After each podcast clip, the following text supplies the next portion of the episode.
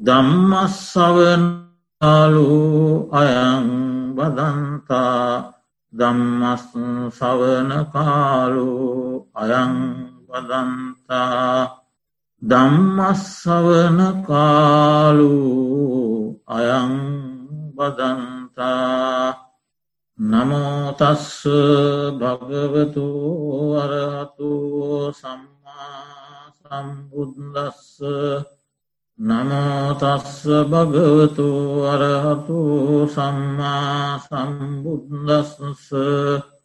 නමෝතස්ස භගවතු වරහතු සම්මා සම්බුද්දස්ස. කේනස්සු නිවතෝලෝකෝ කේනස්සු නප්පකාශති කිසාබිලේපනං බෘසී කින්සුතස්ස මහබයන් අවිජ්ජානිවුතෝලෝකෝ වේවිච්චාපමාදානප්පකාශති ජම්පාබිලේපනං බ්‍රූමී දුක්කමස්සස මහබ්භයන්ති ශ්‍රද්ධාවන්ත පින්වතුනි ටෙක්සාස් බෞද්ධ භාවනා මධ්‍යස්ථානයෙහි පොසොන්පුර පසළොස්වක් පොහොය දිනය නිමිති කරගෙන සිදුකරනු ලබන්නා වූ පොහෝදින වැඩසටහනෙහි උදෑසන ධර්මදේශනාවට සවන් දෙන්න ඔබ සියලු දෙනා මේ මොහොතේ සූදානම් වෙන්නේ. පෙරවරු අටට සිල් සමාදන්ව තෙරුවන් වන්දනා කරලා අටයි තිහේ සිට මේ දක්වා භාවනා වැඩසටහනකට සම්බන්ධ වෙලා භාවනා කරලා නිවුණු සිතෙන් යුක්තවයි මේ දේශනාවට සවන් දෙනු ලබන්න. භාවරී කියන ත්‍රිවේද පාරපාත්ත බ්‍රාහ්මණතුමාගේ ශිෂ්‍යරත්නයක් වන අජිත තවුස්තුමා. බුදුරජාණන් වහන්සේගෙන් අසන ලද ප්‍රශ්න ඇතුළත් ගාථාවකුත් ඒ ප්‍රශ්නයන්ට බුදුරජාණන් වහන්සේ විසින් දේශනා කළ පිළිතුරු දේශනාවකුත් ධර්ම දේශනාව සඳහා මාතෘකා කොට ගත්තේ. ප්‍රශ්නය ප්‍රශ්න ඇතුළත් ගාථාව නැවත අපි අපට පැහැදිලි අර්ථයෙන් තේරුම් ගන්න බලු. කේනස්සු නිවතෝලෝකු මේ ලෝකය කුමකින් වැසී තිබෙන්නේද? කේනස්සු නප්පකාශති. මේ ලෝකය ප්‍රකාශ නොවන්නේ කුමක් නිසාද? කිස්සාබි ලේපනම් රූමි මේ ලොවට ඇති ආලේපනය කුමක්ද? කුමකින්ද මේ ලොවට ඇල්ලිලා බැඳිලා සිටින්නේ ආලේපනය වී සිටින්නේ. කින්සු තස්ස මහබ්බය. මේ ලෝ ඇසියාට තිබෙන මහත් වූ බය කුමක්ද? ඔන්න ප්‍රශ්න හතරයි. වැසී තිබෙන්නේ කුමකින්ද? ප්‍රකාශ නොවන්නේ කුමක් නිසාද මේ ලොවට ඇති ආලේපනය බැඳීම කුමක්ද මේ ලෝකයාට ඇති මහත් බයකුමක්ද ම ප්‍රශ්න හතරයි. බුදුරජාණන් වහන්සේ දේශනා කරනවා අවිද්‍යා නිවතූ ලෝකු මේ ලෝකයේ වැහිලතියෙන්නේ අවිද්‍යාවෙන්. වේවිච්චා ප්‍රමාදා නප්පකාශති. මසුරුකමත් ප්‍රමාදයක් දෙක නිසා මසුරුකමත් ප්‍රමාදයක් නිසා ප්‍රකාශ වන්නේ නෑ. ලොව ප්‍රකාශ වෙන්නේ නෑ. ඥානය පහල කරගන්නට අමාරුයි. ඥාන ප්‍රතාප ඥාන ප්‍රභාසය ඇති කරන්නේ. ඥානාලෝකය ඇති කරන්නේ. මසුරුකමත් ප්‍රමාදයක් නිසා. මේ ලොවට ඇති ආලේපනය ජප්පාබිලේපනම් තෘෂ්ණාවයි. තෘෂ්ණාව නැමති ඇල්ම තමයි ආලේපනය. මේ ලෝකයාට ඇති මහත් බියනම් දුකයි. දුක්ක මස්ස මහ බයක්. දුක තමා ලෝකයාට තියෙන බයි. ඒ බුදුරජාණන් වහන්සේ විසින් ඒ මානවකයා නැත්තන්ගේ තාපසතුමාගේ ප්‍රශ්නයට දුන්න පිළිතුර. කරන ලද පිළිතුරු දේශනා. දැන් අපි මෙහි අර්ථ ඉගෙන ගණ්ඩ බල. අවිද්‍යාය නිවතු ලෝකු. ලෝකය. ඔන්න වචනයක් තිබෙනවා අපිට ඉගෙන ගන්න. මේ ලෝකය වැහිල තියෙනවා අවිද්‍යාව. ලෝකෝති නිරයලෝකෝ තිරච්චානලෝකෝ පෙත්තිවිෂයලෝකෝ කන්දලෝකෝ ධාතුලෝකෝ ආයතනලෝකෝ ඔය ලෝක කියන වචනයට දීලා තියෙන අර්ථ. නිරය. තිරිසං ප්‍රේත අසුර කියන සතර අපාය. තිරච්චාන ලෝකෝ පෙත්ති විෂය ලෝකෝ. නිරය ලෝකෝ තිරච්චාන ලෝකෝ පෙත්ති විෂය ලෝකෝ. දේවලෝකෝ චාතුරු මහාරාජිකාදී දිවියලෝක හය. දේවලෝකෝ. මනුෂ්‍යලෝකෝ අපි මේ ජීවත් වෙන මිනිස් ලෝව. අයං ලෝකෝ පරෝලෝකෝ මෙලොව සහ පරලොව. මෙලව පරලෝ. කන්දලෝකෝ රූප වේදනා සංඥා සංකාර විඤ්ඥානයන පංචුපාදානස්කන්ද ලෝකය. ස්කන්ද හතරක් ඇති ලෝකත් තියෙන. ස්කන්ද එකක් ඇති ලෝකත් තියෙන. ඒ සියල්ලම එක හතර පහ. සියල්ලම ගණ්ඩ පුළුවන් කන්ද ලෝකෝ කිවා. ධාතු ලෝකෝ චක්කුධාතු සෝතධාතු ගානධාතු ජීවාධාතු කායධාතු මනෝධාතු රූපධාතු සද්ධධාතු ගන්ධධාතු රසධාතු පොට්ටබ්බධාතු ධම්මධාතු චක්කු විඤ්ඥානධාතු සෝත විඤ්ඥානධාතු ගාන විඤ්ඥානධාතු ජිව්වා විඤ්ඥානධාතු කාය විඤ්ඥානධාතු මනෝ විඤ්ඥානධාතු යන ධාතු ලෝකය. ඊළඟට ආයතන ලෝකෝ. චක්කායතන සෝතායතන ගානායතන ජිව්වායතන කායායතන මනායතන රූපායතන සද්ධායතන ගන්ධායතන රසායතන පොට්ටබ්බායතන දම්මායතන ආයතන ලෝකෝ. ඒ වගේම බ්‍රහ්මලෝකය සහිත දෙවියන් සහිත බ්‍රහ්මලෝක. බ්‍රහ්ම ලෝකා සදේවකා දෙවියන් සහිත බඹලොව ඒත් ලෝකය. ඒ වගේම තව බෙදීමක් තියෙනවා ලෝකයේ සම්බන්ධව විපත්ති බවලෝකෝ විපත්ති සම්භවලෝකෝ.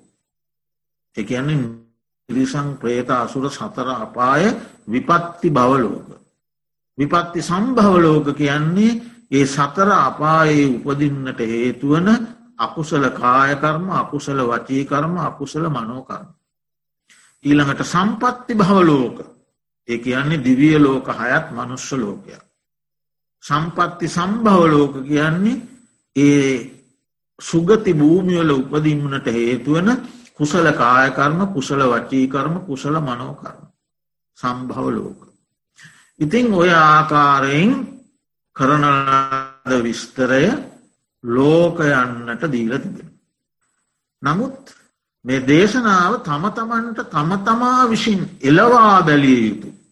සසඳා බැලිය යුතු. ගලපා බැලිය යුතු. විමසා බැලිය යුතු. නිසා අර කන්දලෝකෝ ධාතුලෝකෝ ආයතන ලෝකෝ යන්න විශේෂ. මොකද හේතුව අපි මේ ලෝකයට යමක් නිසා බැඳේද යමක් නිසා හඳුනන්නේද යමක් නිසා දැනගන්නේද යමක් නිසා මේ ලෝකයට ඇලී පවතින්නේද යමකින් අපි මේ ලෝකයේ විමසන්නේද එයින් මේ ආර්ය විනයේ ඒයට ලෝකය කියල කියනවා.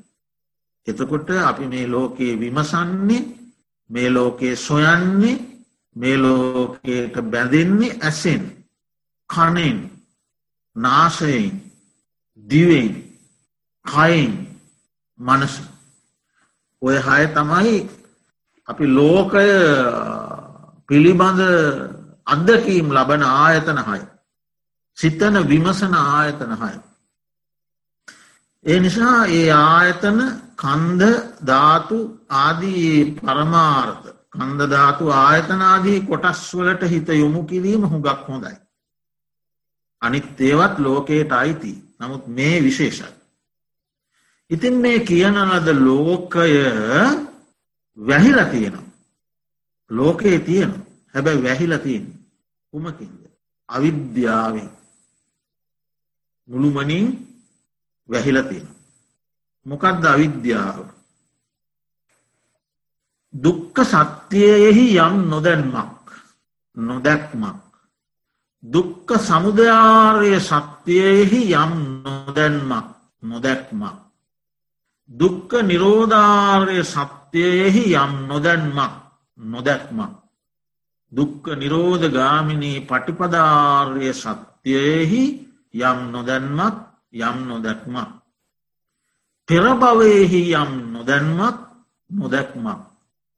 මතු භවයෙහි යම් නොදැන්මක් නොදැක්මක් වේද ඒ අවිද්‍යාව. එපනාට නොවේ එපමණක් නොවේ. ඉදක් පච්චයතා පටිච්ච සමුපන්නේසු දම්මේසු අදස්සන. මේ හේතුවෙන් මේ පවතිී මේ නැතිකල්හි මේ නොවේ. යනාදී වසය උගන්නන පටිච්ච සමුපන්න ධර්මයන් පිළිබඳ. නොදැන්මක් නොදැක්මක් අනවබෝධයක් අසම්බෝධයක් දුකෙන් මිදීම හරියාකාර නොදැන්මක් වේද ඒ අවිද්‍යාවයි. එතකොට ඔය පූර්වාන්ත අපරාන්තාන්ත නොදැකීම චතුරාර්ය සත්‍යය ධර්මය නොදැකීම පටිච්ච සමුපන්න ධර්මයන නොදැකීම අවිද්‍යාවයි. එවැනි මුලාවීමක් හාත් පසින් හැම්ම පැත්තෙන්ම මුලාවීමක්. අවිද්‍යාව නැමති ඕගයක් සැඩ පහරක්. අවිද්‍යාව නැමති යෝගයක් සසර යෙදීමක්. අවිද්‍යාව නම් වූ යටපත්ව පවතින ක්ලේශයක් අනුශය ධර්මයක්. අවිද්‍යාව නම් වූ මනසෙහි නැගී සිටීම. අනිත් සියල්ල යටපත් කොට ඉස්මතුවීම. අවිද්‍යාව නැමති දොර අගුලක්. පිවිසීමට බැරිසේ වසා ඇති අගුලක්. අවිද්‍යාව නම් වූ අකුසල මූලයක්.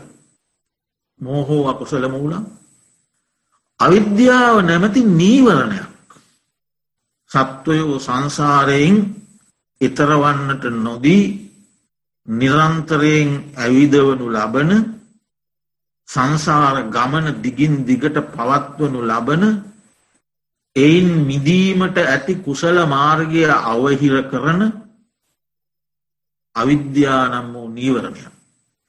අවිද්‍යාව නම් වූ ගණ වනයක් තිස්ස සූත්‍රයේ තියෙන්නේ ගණ වනාන්තරයක්. හාත් පසින් වැහිල අන්දකාරය. හිරුවලිය වැටෙන්නේ. අන්න එවැනි වනයක් වැනි අවිද්‍යාව. වේද මෙන්න මේ කියන ලද අවිද්‍යාව තමා මේ ස්කන්ධ ධාතු ආයතනාදී ලෝකය ප්‍රකාශවෙන්න නැතිවෙන්ඩ වසල තියෙන්නේ. අවිද්‍යාවෙන් වහලා එනිසා මතු වෙන්නේ නෑ.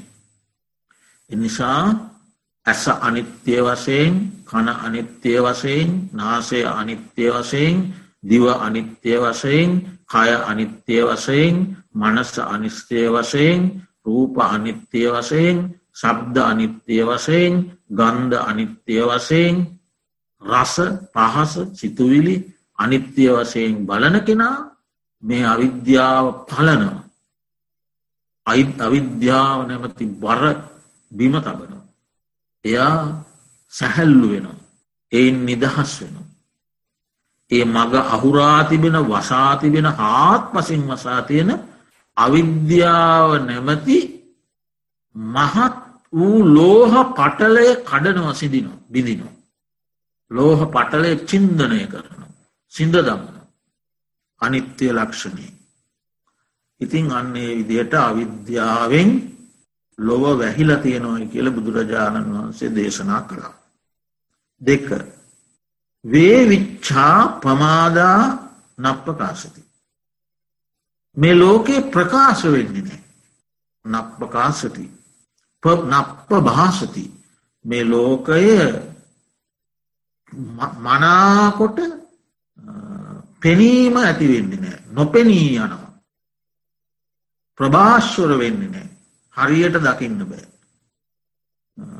මේ ලෝකය ප්‍රතාපවත්ව නැත්තං ඉතාමත් නිවැරදි ලෙසින් දර්ශනය වෙන්නේ. ඒකට හේතුවමකක්දහන. ඇයි මේ ලෝකයේ ප්‍රකාශ වෙන්න නැති. මේ අවිද්‍යාවෙන් වැහිල තියෙන ලෝකය ස්කන්ධධාතු ආයතනාදිය ප්‍රකාශ වෙන්න ඇත්තේ ඇයි ප්‍රකට වන්නත්තේ ඇයි දීප්තිමත්ව බලාගණ්ඩ බැරියයි. වේවිච්චා මසුරුකම එකක් එක හේතුවක්. මොකක්ද මසුරුකම. මසුරුකම් පහක් තියෙනවා. ආවාස මච්චරිය කුලමච්චරිය ලාභ මච්චරිය වන්න මච්චරිය දම්ම මච්චරිය පහයි. ආවාසයෙහි මසුරුකම වාසස්ථානයේ ඊළඟට තමන්ගේ දායක කුලයෙහි මසුරුකම. ඒ දායක කුලයට බැඳිලා ඉන්නවා එය අන් කෙනෙක් ප්‍රයෝජන ගන්නවා දකිින්ට අකමැත්ත මසුරුකම. ඊළඟට ලාභ මච්චරිය තමන්ට ලැබෙන ලාභයන්ට මසුරුකමින් බැඳිලඉන්නවා. ඒවා අන්සතු වෙනවට අන්න අය පරිහරණය කරනවට අන්න අය හා සාධාරණය වෙනවට කැමතිනේ. ලාභ මච්චරිය. ඊළඟට වන්න මච්චරිය. අන්න අයගේ ගුණ සැබැවින්ම ඇති ගුණ වර්ණනා කරනවට අකමැත්ත. ඊළඟට දම්ම මච්චරිය. තමන් දන්නා දහම් දැනුම ධර්මඥානය අන්න අය කෙරෙයි සාධාරණුවට ඇති අකමැත්ත. තොඩු මසුරුකම් පහයි. ඒ පංච මච්චරිය ධර්ම තව විස්තර වෙනවා. කොහොමද විස්තර වෙන්නේ කදරිය කියල අවස්ථාවක් තියෙනවා. මසුරුකම එක් අවස්ථාව කදරිය. කදරිය අවස්ථාව තද මසුරුකම. ඉතා තදින් මසුරුකමේ බැඳිලා. ඊළඟට තව තියෙනවා වේවිච්ච කියල මේ පෙන්නපු අවස්ථාව. එතනදී අරතරන් තද බවක් පෙන්වන්න නෑ කියලයි අටුවාව දක්වන්නේ. මසුරුකම තිබෙනවා. නමුත් දීමේ ආනිශංස දීමේ වටිනාකම වගේ වචන ප්‍රකාශ කරනවා. දීම හොඳයි කියල පිළිගන්නවා. එවිදිේ වේ විච්ච අවස්ථාව. අර තරම් තද නොවූ. ඊළඟට තියෙනවා කටු කංචු කතා කියලා. මසුරුකමේ තව අවස්ථාව. එය අනුන්ගේ පිනට පවා බාධා කරන. අනුන්ගේ දන්දීම පවා වලක් වුණ. ඒ අනුන්ගේ දන්දීම තරහැන් වලක් කන්නත් පුළුවන්. මේ මසුරුකමින් වලක් වුණු. දීල කොහොමද ඔයලා ජීවත් වෙන්නේ කොහොමද මේ මේ විදිහට තව ප්‍රශ්න ගැටලු තියෙනවා නේද. ආදී වශයෙන් දීමේ තියෙන ආදීනව පැත්ත පෙන්න්නනවා. දෙන්ඩ එපා කියලා අන්න අය තමනුත් නොදී අන් අයත් දීමෙන් වලක් වන. කටු කංචු කතා අනුන්ගේ පිනට බාධා කරන. එහෙම අනුන්ගේ පිනට බාධා කිරීමෙන් විපාක තුනක් ලැබෙනවා. ආදීනව තුනක් එක තියෙනවා. එක තමන්ගේ හිතට අවඩක් කරගන්න. තමන්ගේ හිතට හානියක් කරගන්න. එක දෙක දෙන තැනැත්තාගේ පිනට බාධා කරනවා. තුන ලැබෙන්ඩ තිබුණ කෙනාගේ ලාබයට හානි කරනවා.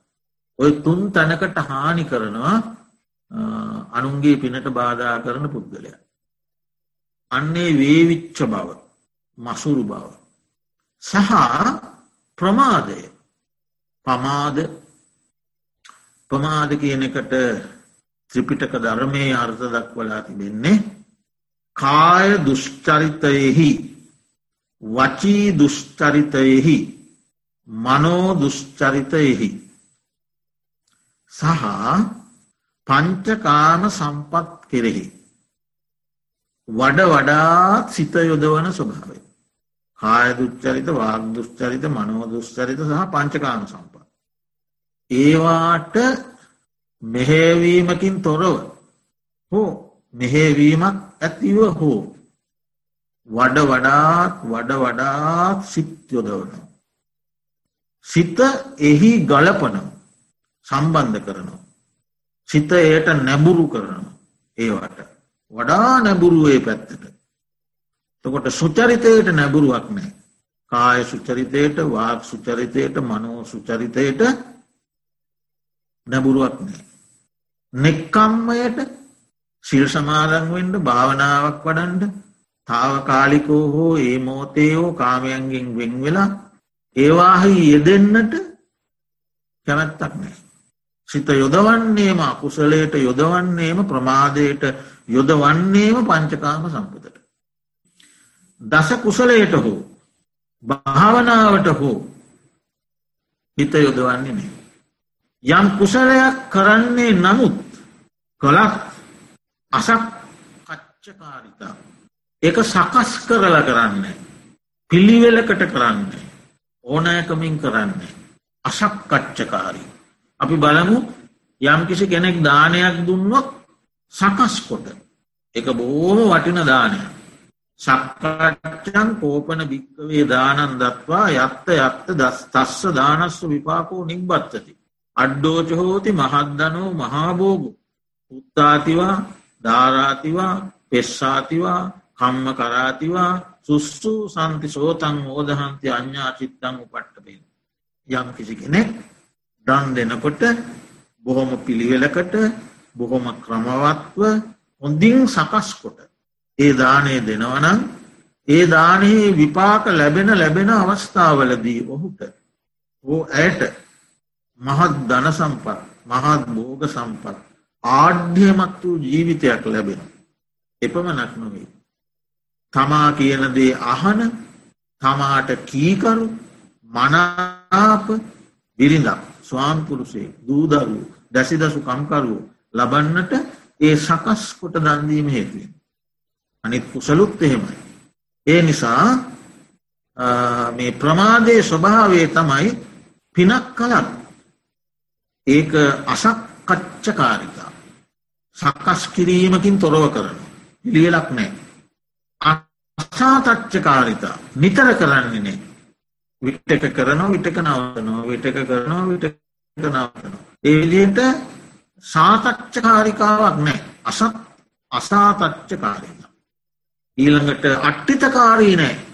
අට්ටිතකාරී කියන්නේ පලය ලැබෙන තෙක් බලවත් උත්සාහයෙන් වීරයෙන් කටයුතු කිරීම. එහෙම ස්වභාවයක් නෑ. ඒ නිසා අනට්ටිතකාරී කියන. අරමුණ ස්තිරණෑ.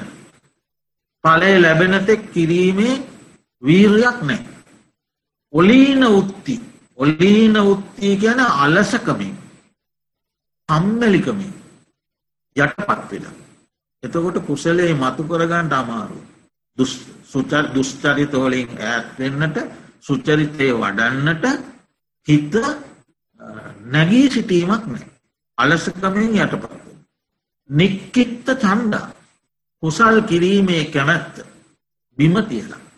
බහා තැබූ අතහැරදාල කැමැත්ත අතහැර. නික්කිත්ත දුරා ඒ සඳහා තිබියයුතු උත්සාහය දිරිමත් බව බිම තබල. අනාසේවන කුසලය හෝ නෙක්කම්මය හෝ සේවනය කරලනෑ භාවනාවක් හෝ සේවනය කරලනෑ පුහුණු කරලනෑ අභාවනා වඩලනෑ දියුණු කරලනෑ අබහුලී කම්මතා බහුලීකෘත කරලනෑ අන්න එතෝට කුසලය බහුලීකෘත කරලනෑ ඒ ඒ තත්ත්වයට කියනවා ප්‍රමාද බව කියලා. ප්‍රමාදයි. අනදිට්ඨානන් කුසලයක් කරන්න අධිෂ්ඨානයක් නෑ ඉක්මනට කඩන් වැටෙන ස්වභාවයෙන් යුක්තයි අනනු යෝගෝ ඒ කුසලයට හෝ භාවනාවට මනාව සිත යොදලනෑ. කලින් කල වරින්වර කළත් අවශ්‍ය ප්‍රතිඵලයක් දක්වා යන්නට වමනා කරන ඒ ධර්මතාවයන් ටික ඉදිලනෑ. එක ප්‍රමාදය. ඉති එහෙම ප්‍රමාද සිත් ඇති කෙනෙකුට අවිද්‍යාව කඩන්න බෑ. වසා තිබෙන අවිද්‍යා අඳුර මුලින්ම පුටාදාන්න බෑ. බිඳ හරින්න බෑ. දුෂ්චරිත මිදහරින්නත් බෑ. අන්න එකට කියනවා ප්‍රමාද බව. කාය දුෂ්චරිත වාග දුෂ්චරිත මනෝ දුෂ්චරිතයන්හි සහ පංචකාම සම්පත්වල නැවත නැවත නැවත නැවත සිත යොදවන බවත් කුසලයෙහි සිත නොයදවන බවත්. ඒද ඒ ප්‍රමාදය. එතෝට දැන් අපි මුලින් ඉගෙන ගත්තා අවිද්‍යාවෙන් වැහිල තියෙන. අවිද්‍යාය නිවතෝ ලෝකෝ මේ ස්කන්ධ ධාතු ආයතන වැහිල තියෙන. ස්කන්ධ ධාතු ආයතන තියෙන්නේ තමා තුළන. තමා තුළන දැන් දැන් ධර්මය තමන්ටන පිහිට විය යුත්තේ. එතෝට දැන් තමන්ට ගලපා බලන්න. මේ ස්කන්ධ තියෙනවා ධාතු තියෙනවා ආයතන තියෙන මේක අවිද්‍යාවෙන් වැහිලා තියෙනවා. එතකොට මේක ප්‍රකාශ වෙන්න නෑ පේන්න නෑ ප්‍රභාස්වර වෙන්න නෑ හේතුව අර කියන ලද මසුරුකමෙන් සහ ඒ කියන ලද ප්‍රමාදයෙන් හිලතිය. ට මසුරුකමට තව අර්ථ ටිකක් දෙනවා. එකත් බොහොම වටිනවා. නිර්දේශපාලියේ ආයතන මාච්චරය ධාතුමාශ්චරය එකයන්නේ තම තමන්ගේ ආයතන ඇස කණනාසේ දිවකය මනස තමාට අයත් වූ අජ්ජත්තික ධාතු චක්කු ධාතු රූපධාතු සෝතධාතු ආදී ධාතු දහාට ස්කන්ධ දොළහ මේවා කෙරේ මසුරු වෙලා ස්කන්ධ මසුරු බව ධාතු මසුරු බව ආයතන මසුරු බව. ඉතින් කෙසේ වෙත්තත් මෙන්න මේ කියන ලද මසුරුකම ප්‍රමාදයක් දෙක නිසා ප්‍රකට වෙන්නේ නෑ. පෙනෙන්නේ නෑ වැහි පවතින. ඊළඟ කාරණය. දප්පාබි ලේපනං භූමි. මේ වැසී තිබෙන ප්‍රකට නොවන මේ ස්කන්ධ ධාතු ආයතන නම් වූ ලෝකයට තියෙන ආලේපනය. ලහටුව තියෙන බදාමය තියෙන චන්දය තමයි ජප්පා ජප්පහා කියලා ගැන තෘෂ්ණාවට ජප්පා තෘෂ්ණාව තෘෂ්ණාව තමයි මේට තියෙන ඇලීම එතකොට තෘෂ්ණාව කිව්වම රූපතන්නා සද්ධ තන්නා ගන්ධ තන්හා රසතන්හා පොට්ටබ්බ තන්හා ධම්ම තන්හා හයයි. ඒ හයෙන් වැඩිවෙනවා කාමතන්හා භවතන්හා විභවතන්හා. එතකොට දහාටයි. ඒ හය ඒ දහාට වැඩිවෙනවා අතීත තන්නා පච්චුප්පන්න වර්තමාන තන්නා අනාගත තන්නා. දොර පනස් සතරයි.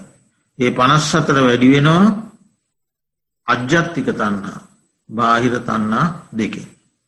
එතකොට එකසි අටයි. මෙන්න මේ කියන ලද එකසිය අට වැදෑරුම් තන්නාව. තමයි තියෙන ආලේපනය. ඒක ඕගයක් සසර සැඩ පහරට අයිති කාම ඕග බව ඕග දෙකේම තියෙන්නේ තන්නාව. ඊලාට යෝගයක් එතන කාම යෝග බව යෝග දෙකම තන්නාව. ඊළඟට ග්‍රන්ථයක් අභිජ්ජා කාය ග්‍රන්ථ කය ගැට ගසනවා. මේ කයයි ඊළඟ භවයේ කයයි අතර සම්බන්ධී කරණය කරන. මෙහෙන් චුත වෙලා ඊළඟ තැන ආරම්භයට සම්බන්ධ කරනවා. ගන්ත ගැට ගසනවා. අභිජ්ජා කායගන්ත. ඉලාට උපාදානයක් කාම උපාදාන ඒත් අන්නාව. ආවරණයක් නීවරණයක් කාමච්චන්ද නීවරණය කාමච්චන්ද ආවරණය. ඊළඟට උපක්ලේශයක් අභිජ්ජා චිත්තස්ස උපක්කිලේසු. ඇමති වැලක් පුංචි බීජයකින් පටන්ගත්ත වැල කෙමෙන් කෙමෙන් කෙමෙන් කෙමෙන් ගසක් පුරා පැතිරී නැත්තම් පොළොව පුරා පැතිරී විහිදී යන්නාසේ වැලක් එතෙනවා එතෙන වැලක් ඊළඟට ගලා බසින ගංගාව මහත් සැඩ පහරින් යුක්තව.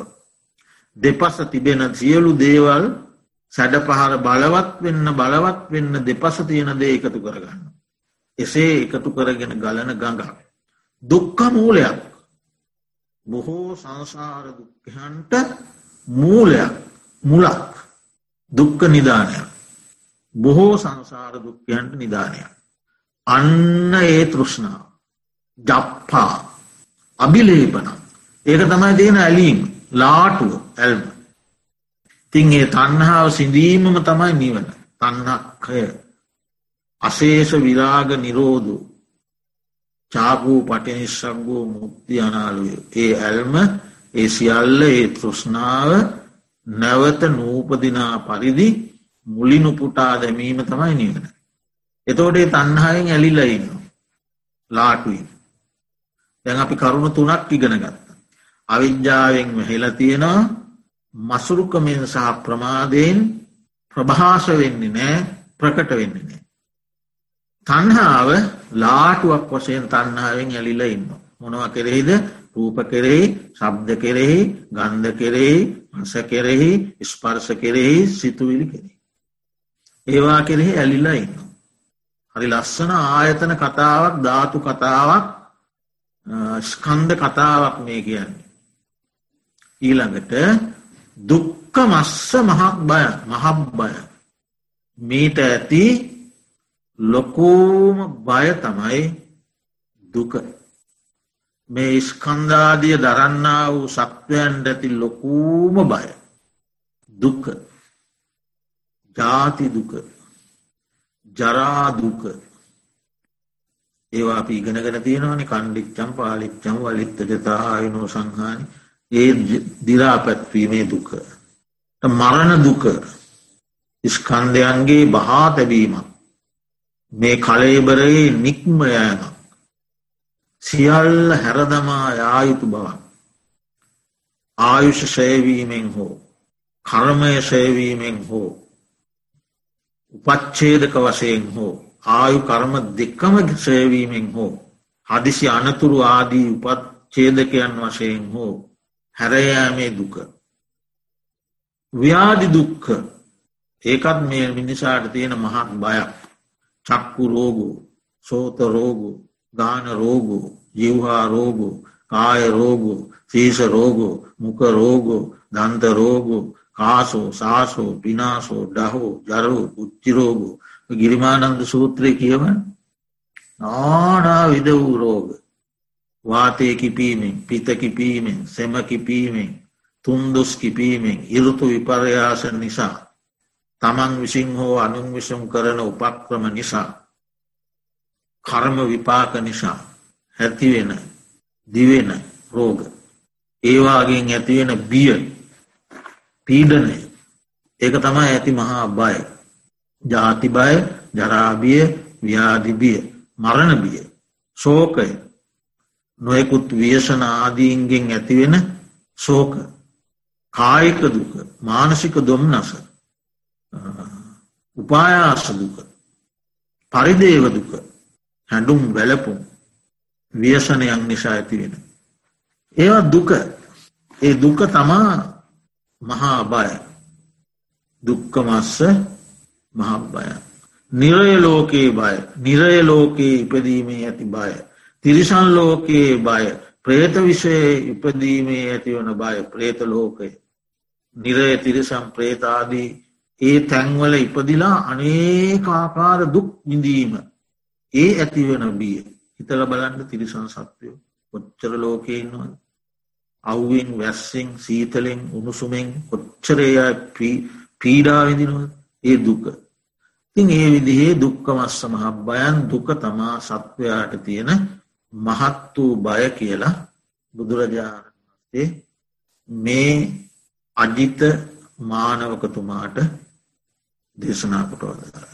ඉතින් ඒ නිසා මේ අවස්ථාවේදී අප සියලු දෙනා මේ උපදවාගත්තා වූ කුක්ෂල ශක්තිය අපි නමින් පරලෝ සපත් යම්තා ඥාති හිත මිත්‍රාදීන් පින්ගැනීමට සුදුසු භාවය කෑත්නම් ඒ සියලු දෙනාටමත් මේ පින් අනුමෝදන් කරන අනුමෝදන් වෙත්වා.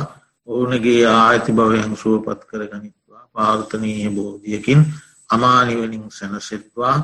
අප නමින් පරලෝ සැපත් ඒවගේ අප හැදූ වැඩූ මෞද්‍ය මවපියන් ඇතුළු සියලූම ඥාති හිතයිශීන්ටත් මේ පින් ආශීරවාදයක්ම වෙත්වා. අපටත් ඉතා ඉක්මන් භාවයකදීම පාර්ථනීය බෝධයකින් උතුම් නිවනින් සැනසුම පිණිස මේ පින් එකසේම හේතුවේවා වාසනාවේවා උපනිශ්‍රේවේවා කියන පාර්ථනාවෙන් යුක්තව දෙවියන්ට ඥාතීන්ට පින් අනුමෝදන් කරමු. ආකාසට්ටාජ මුම්මට්ටා දේවානාගා මහින්දිකා පුഞ්ඥන්තන් අනුමෝදිත්වා චිරන්නක් කන්දු ශාසනක් ආකාසට්ටාජ බුම්මට්ටා දේවානාගා මහින්දිකා පුඤ්ඥන්සං අනුමෝදිත්වා චිරන්ලක්කන්තු දේශනං ආකාසට්ටාජ බුම්මට්ටා දේවානාගා මහින්දිකා පුඤ්ඥන්තන් අනුමෝදිත්වා චිරන්ලක්කන්තු මම්පරන්ති එත්තාවතාචම්මෙහි සම්බතම් පුුණ්්‍ය සම්පදන් සම්බේ දේවානුමෝදන්තු සබ්බ සම්පත්ති සිද්ධියා සබ්බේ භූතානුමෝදන්තු සබ්බ සම්පත්ති සිද්ධියා සබ්බේ සද්ධානුමෝදන්තු සම්බ සම්පත්ති සිද්ධියා ඉදම් මේ ඥාතිනං හෝතු සුකිතාවන්තු ඥාතයෝ ඉදම් මේ ඥාතිනං හෝතු සුකිතාවන්තු ඥාතයෝ ඉදම් මේ ඥාතිනං හෝතු සුකිතාහන්තු ඥාතයෝ